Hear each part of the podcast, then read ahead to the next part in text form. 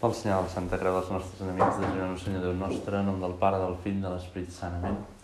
Senyor meu i Déu meu, crec fermament que sou aquí, que em veieu, que m'escolteu. Us adoro amb profunda reverència, us demano perdó dels meus pecats i gràcia per fer fruit aquesta estona d'oració. Mare meva Immaculada, Sant Josep, Pare i Senyor meu, àngel de la meva guarda, intercediu per mi.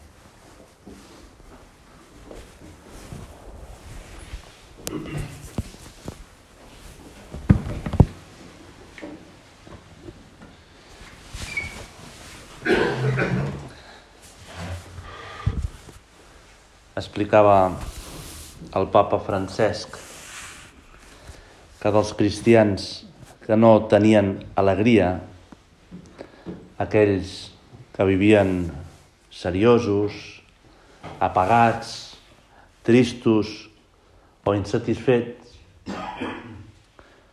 li venia al cap que un amic seu li deia al papa Francesc són cristians amb cara de bacallà. Cristians amb cara de bacallà. Sí que és veritat que per mirar quan compres peix, si està fresc, has de mirar si li brillen els ulls. Però igualment la cara de bacallà és definitiva. I, i afegia el papa francès fa un mes amb una catequesis. Aquest cristià parlarà de Jesús i ningú no el creurà.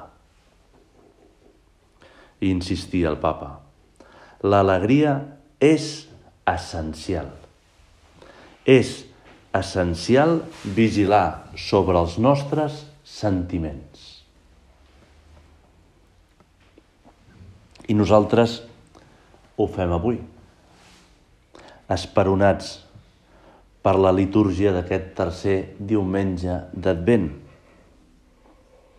el famós diumenge Gaudete, el famós diumenge que a les nenes jovenetes els agrada perquè els mossens van vestits de rosa, si tenen aquest color entre les possibilitats. Gaudete són les primeres paraules de la missa d'avui diumenge, però també la primera lectura, el Salm amb el Magnificat, i la segona lectura parlen amb molta insistència de l'alegria. Tenir a Jesús és alegria. Estar fent la seva voluntat és alegria.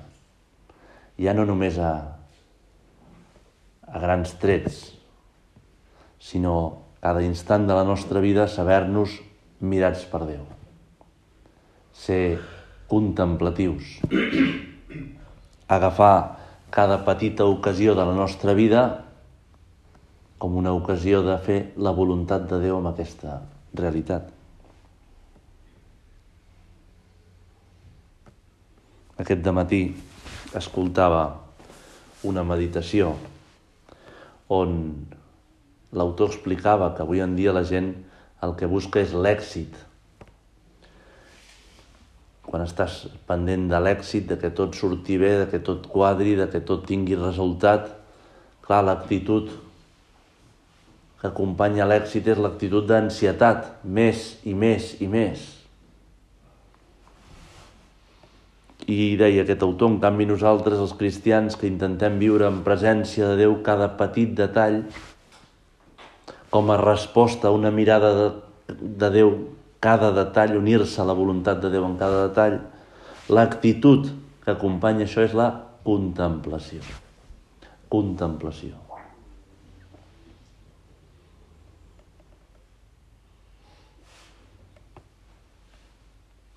Quan estem units a Jesús, quan sabem que Déu ens està mirant, quan ens enfrontem a totes les realitats de la prosa de cada dia, units a Déu, tenim alegria. Tenim unió amb Déu. Els autors comenten que aquest tercer diumenge d'Advent la litúrgia dona un canvi important saltem de l'austeritat que caracteritzaven els dos primers diumenges i passem a l'alegria per la imminència de l'arribada del Salvador. Imminència de l'arribada del Salvador, del meu Salvador. Ja sona el timbre de la porta. Ja ens hem d'aixecar per anar-lo a obrir. L'espera s'ha acabat. Al preparar ahir la meditació em va venir al cap una anècdota que m'havien explicat fa temps. Quan me la van explicar, en el meu cap es va representar, imaginar com si hagués passat en el col·legi on jo vaig estudiar infantil, el parvulari. Un parvulari que portaven unes monges a Mata de Pere. Encara el porten. La madre Josefa i la madre Ramona.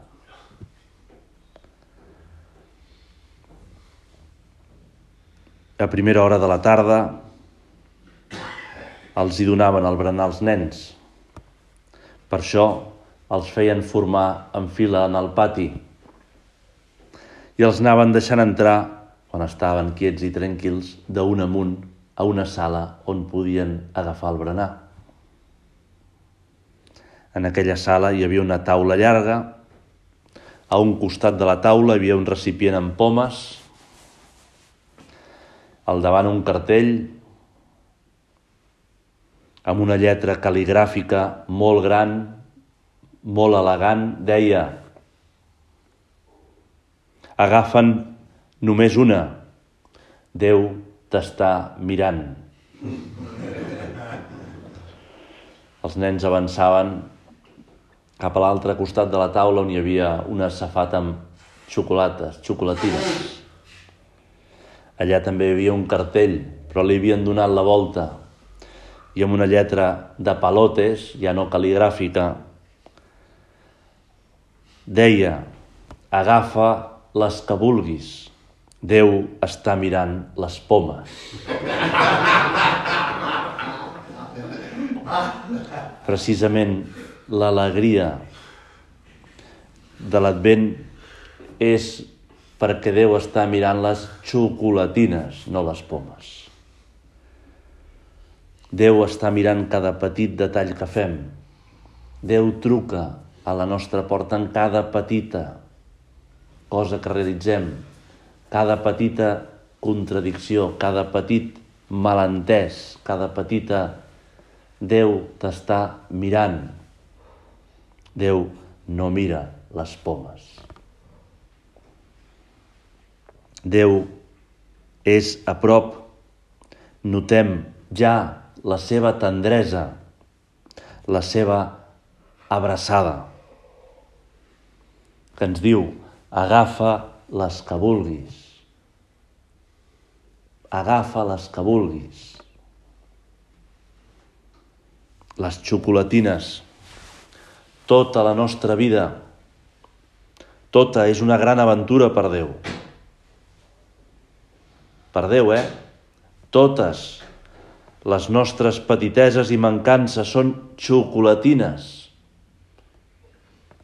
Com una mamà que escolta molt interessada les quatre tonteries que li explica el seu fill. Déu ens mira així a cada un de nosaltres. I aquestes petites adversitats del dia que semblen no res són xocolatines, per Déu, coses molt importants.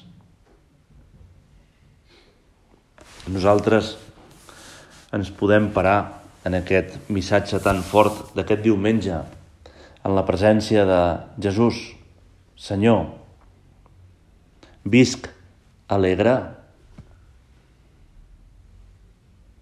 Tinc el cor realment ple d'alegria, no l'alegria superficial de la que em fa pessigolles, no l'alegria de la satisfacció. L'alegria profunda de que estic unit a tu, l'alegria profunda de que li he donat un sentit a la meva vida. Tinc aquesta alegria profunda la sé gaudir, la sé paladejar,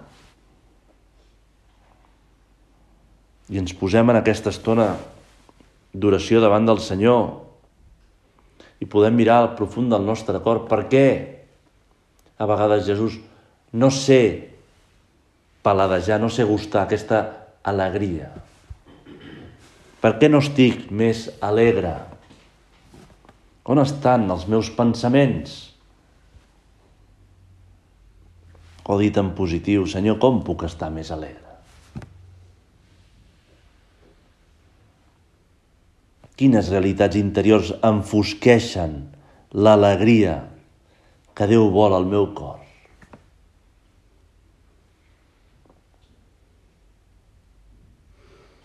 El papa Francesc ens ha parlat molt de l'alegria des del començament del seu pontificat. La llum de la fe ja, ja té una connotació d'alegria, però després ja va ser Evangeli Gaudium, la joia, l'alegria de l'Evangeli. Amoris Letizia. I després hi ha alegria multiplicada per alegria. Gaudete et exultate. A la seva encíclica, l'alegria de l'Evangeli, la joia de l'Evangeli, diu així, així comença. L'alegria de l'Evangeli omple el cor i la vida del, sencera dels qui es troben amb Jesús. Els qui es deixen salvar per ell són alliberats del pecat, de la tristesa, del buit interior, de l'aïllament. Amb Jesucrist sempre neix i reneix l'alegria.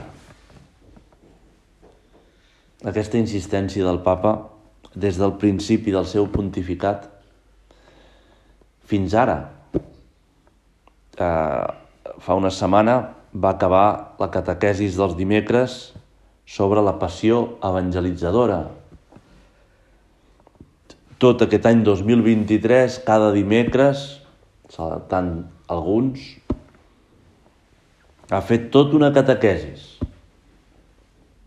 i ha acabat amb quatre catequesis, quatre dimecres, que han estat com les conclusions, precisament en el desè aniversari de l'Evangeli Gaudio.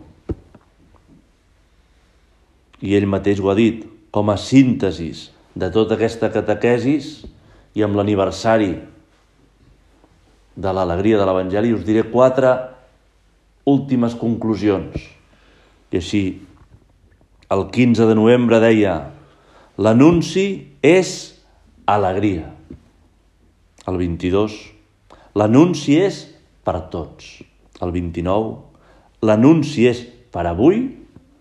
I la darrera, el 6 de desembre, l'anunci és en l'Esperit Sant. I ho insisteix el papa Francesc, com ho ha fet durant tot el seu pontificat. L'alegria no és per una cosa bonica que ens ha succeït.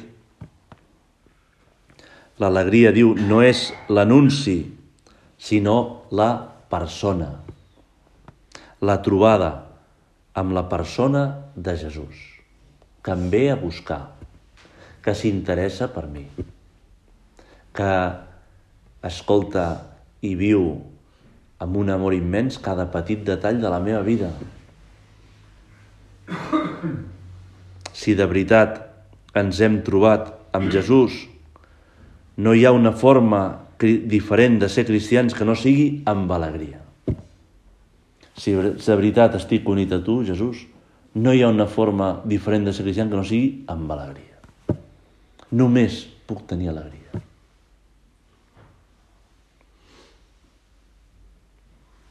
I llegeixo les paraules del papa en aquesta catequesis del 15 de novembre.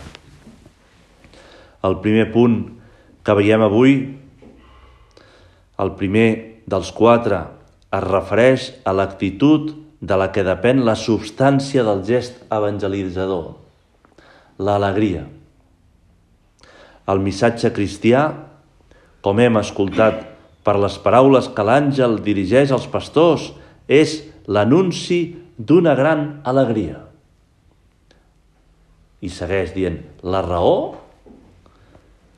una notícia bona, una sorpresa, un esdeveniment bonic, diu, molt més. Una persona, Jesús. Jesús és l'alegria. És ell, el Déu que s'ha fet home, que ha vingut a nosaltres. La qüestió, doncs, no és, per tant, si anunciar-lo, sinó com anunciar-lo. I aquest com és l'alegria. O anunciem a Jesús amb alegria o no l'anunciem. Perquè qualsevol altre camí per anunciar-lo no és capaç de transmetre la veritable realitat de Jesús. Totes aquestes catequesis de la passió per l'evangelització transmet que el missatge de Jesús és atracció, atracció. Quan aconseguim viure enamorats de tu, Senyor, és atractiu per la gent. És alegre, és esperançador, és llum. Hem vist que Déu vol néixer en nosaltres, que vol que siguem cristians del tot. Llavors, és lògic que transmetem alegria, que ens omplim d'alegria, perquè tot lo nostre és Jesús. Sentim les coses com les sent ell. Ara estem davant d'ell pensant, demanant llums. Podem pensar, concretar coses concretes que poden enfosquir aquesta alegria, atabalaments que fan que no estiguem tan units a Jesús. Podem concretar somriure més. Podem concretar, fer comentaris positius. Quines sabates tan boniques que portes. Podem concretar, explicar anècdotes simpàtiques a la gent, positives. Explicar acudits. Els hi he posat de propòsit aquests dies a molts nens, explicar acudits a casa. Explicar acudits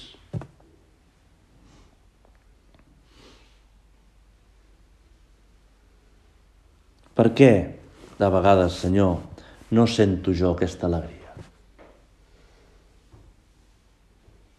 L'alegria és un sentiment que ens omple quan aconseguim un bé que hem desitjat. I això, des d'un nivell bàsic, anhelem una cervesa freda i quan l'aconseguim sentim una alegria que puja des de l'estómac. fins a un nivell més profund. Vols entregar la teva vida per fer feliços als altres i quan els veus plens se t'omple la interioritat d'una alegria. Quan et descobreixes fidel en aquest compromís que tens sentit a la teva vida, se t'omple d'una alegria més profunda. Aquesta no puja de l'estómac, eh? Aquesta surt de l'ànima. Molt més forta, molt més gran, profunda i duradera. I per això, per aconseguir aquest bé, hi hem de posar primer la intel·ligència, per saber què és el que ens convé, i després la força de voluntat, l'esforç per aconseguir-ho. Petits propòsits, petites lluites, aquí entra el somriure, aquí entra tallar un pensament negatiu, aquí entra el fixar-se en la cosa positiva dels altres. A poc a poc, amb el temps, anem aprenent a ser així. I per això l'alegria és una cosa que ens passa, però també, al mateix temps, una cosa que s'aconsegueix amb esforç, una virtut.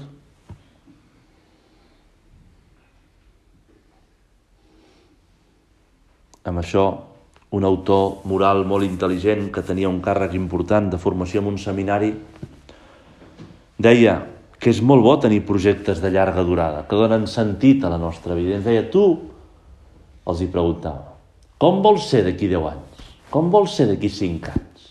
Com vols ser d'aquí 15 anys?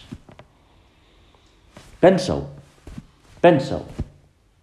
Mira la gent, com t'agradaria ser tu?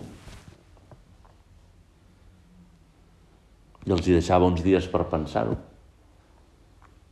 I després els recollia al cap d'un mes o de dues setmanes.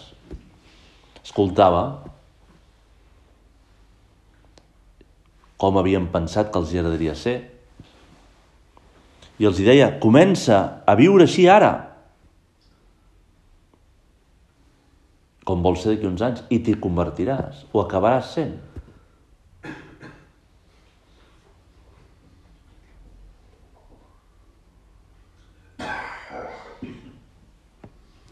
Però compte, a vegades fent oració ens parem descobrint que molts cops no sentim aquesta alegria en l'entrega, aquest sentiment profund de satisfacció perquè estem fent la voluntat de Déu. I diu el papa Francesc, el gran risc del món actual, amb la seva múltiple i aclaparadora oferta de consum, és una tristesa individualista que brolla del cor còmode i avar, de la recerca malaltissa de plaers superficials, de la consciència aïllada. Quan la vida interior es tanca en els propis interessos, ja no hi ha espai pels altres, ja no hi entren els pobres, ja no s'hi escolta la veu de Déu, ja no s'hi gaudeix la dolça alegria del seu amor. Ja no hi batega l'entusiasme per fer el bé. I avisa el papa que això no és només per aquells que no tenen fe. Diu, els creients també corren aquest risc. Cert i permanent. Molts hi cauen i es converteixen en éssers ressentits i queixosos, sense vida. Aquesta no és l'opció d'una vida digna i plena. Aquest no és el desig de Déu per nosaltres. Aquesta no és la vida en l'esperit que brolla del cor de Crist ressuscitat.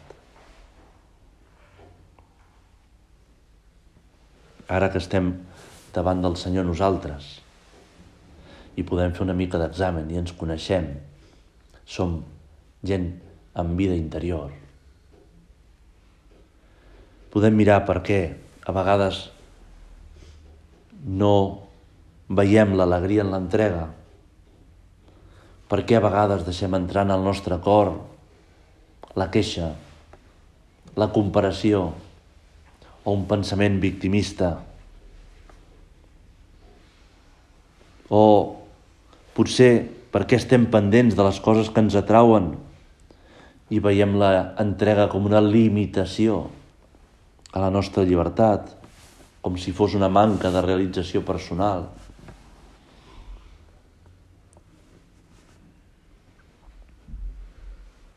Volia acabar la meditació amb un apunt molt interessant. Quan Josep i Maria escolten el nom que han de posar a Jesús, es queden parats, però ben parats. Cada un ho escolta en un lloc diferent. Maria, l'àngel Gabriel. Josep, en somnis. Però tots dos diuen, al nen li has de posar el nom de Jesús. I queden ben parats. Perquè com bons jueus coneixen l'episodi de Moisès a l'Oreb, la verdissa que cremava i no es consumia. Allí Déu entra en diàleg amb l'home a través de Moisès. Allí Déu es fa un tu davant del jo de Moisès. Perquè li diu el seu nom, jo sóc el que sóc, Yahvé, jo sóc Yahvé. Jo sóc el que sóc. Traduït, ve. Moisès està descalç perquè és un lloc sagrat, sagrat. Moisès potser pensa que es fondrà perquè entrar en diàleg amb Déu és per derretir-te. Quan sent la veu de Déu i li revela el seu nom encara més.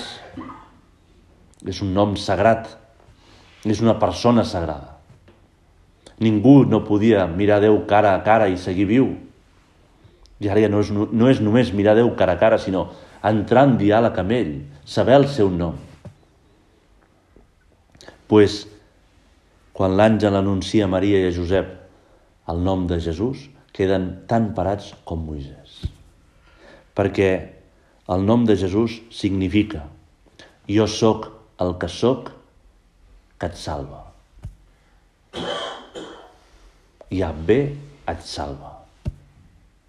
L'essència de Jesús és salvar-nos. La, la, el, la, el ser de Jesús és salvació.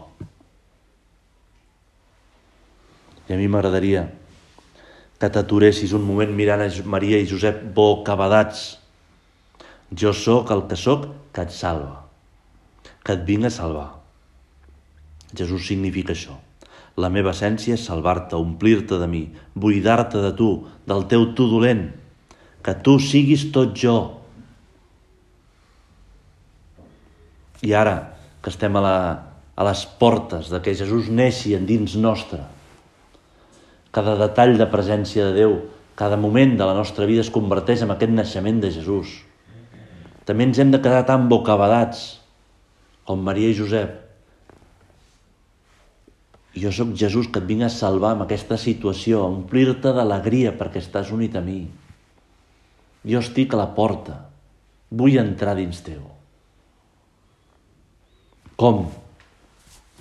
No ens omplirem d'alegria si de veritat acollim a Jesús.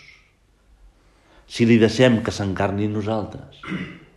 Si li deixem que ens buidi del nostre jo superb, egoista, i ens ajudi a identificar-nos amb ell.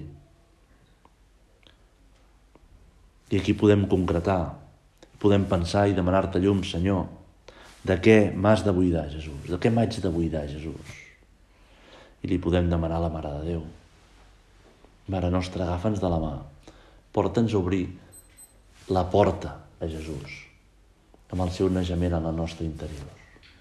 Fes-nos que estiguem ràpids, que no ens quedem asseguts quan soni el timbre.